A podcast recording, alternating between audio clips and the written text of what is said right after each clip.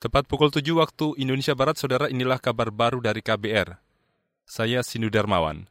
Anggota hukum D Komisi Hukum DPR menyoroti rendahnya penyerapan anggaran di Jen Imigrasi yang hanya berada di angka 70-an persen. Anggota Komisi Hukum DPR Muhammad Nurdin menyesalkan kinerja di Jen Imigrasi yang tidak bisa memaksimalkan dana yang sudah dikeluarkan pemerintah. Saya menemukan masalah anggaran di imigrasi. Ini udah bulan Desember, tinggal berapa hari tutup buku, baru 72,76 persen. Yang paling rendah adalah di belanja modal, 47,86 persen. Belanja barang pun 68,93 persen. Jadi bagaimana nanti kita di tahun yang akan datang memberikan anggaran kepada imigrasi, kalau di tahun sekarang aja masih 28 persen tidak terserap.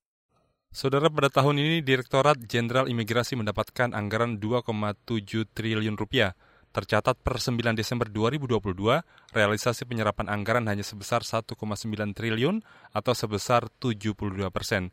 Jika dibandingkan dengan penyerapan anggaran di bidang lain, bidang imigrasi termasuk yang sangat rendah, tidak mencapai angka 90 persen. Muhammad Nurdin berharap imigrasi dapat memaksimalkan dana, serapan dana maksud kami, sebelum akhir tahun 2022.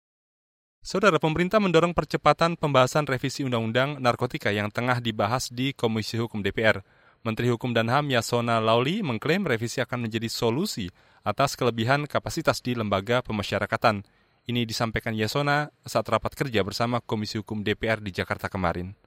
Undang-undang, revisi Undang-Undang Narkotika. Ini perjuangan, saya harus jujur mengatakan perjuangan saya sejak jadi menteri Periode pertama saya menjadi menteri, ini menjadi concern saya. Mengusulkan Pak Asrul tahu benar, saya berjuang untuk membuat revisi undang-undang narkotika. Sekarang gamenya ada di tangan Komisi 3. Nah ini lempar balik bola itu kepada Komisi 3. Itu tadi Menteri Hukum dan HAM Yasona Lauri. Saudara sebelumnya revisi Undang-Undang Narkotika telah dibahas sejak Agustus 2022.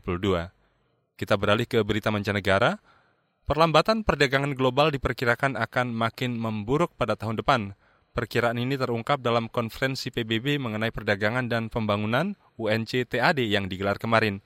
Mengutip antara UNCTAD, UNCTAD memprediksi nilai perdagangan global akan menurun di kuartal 4 2022. Itu terjadi baik untuk sektor barang maupun jasa-jasa. Dua sektor ini sebelumnya dinilai cukup tangguh selama paruh kedua tahun ini. Demikian kabar baru KBR. Salam.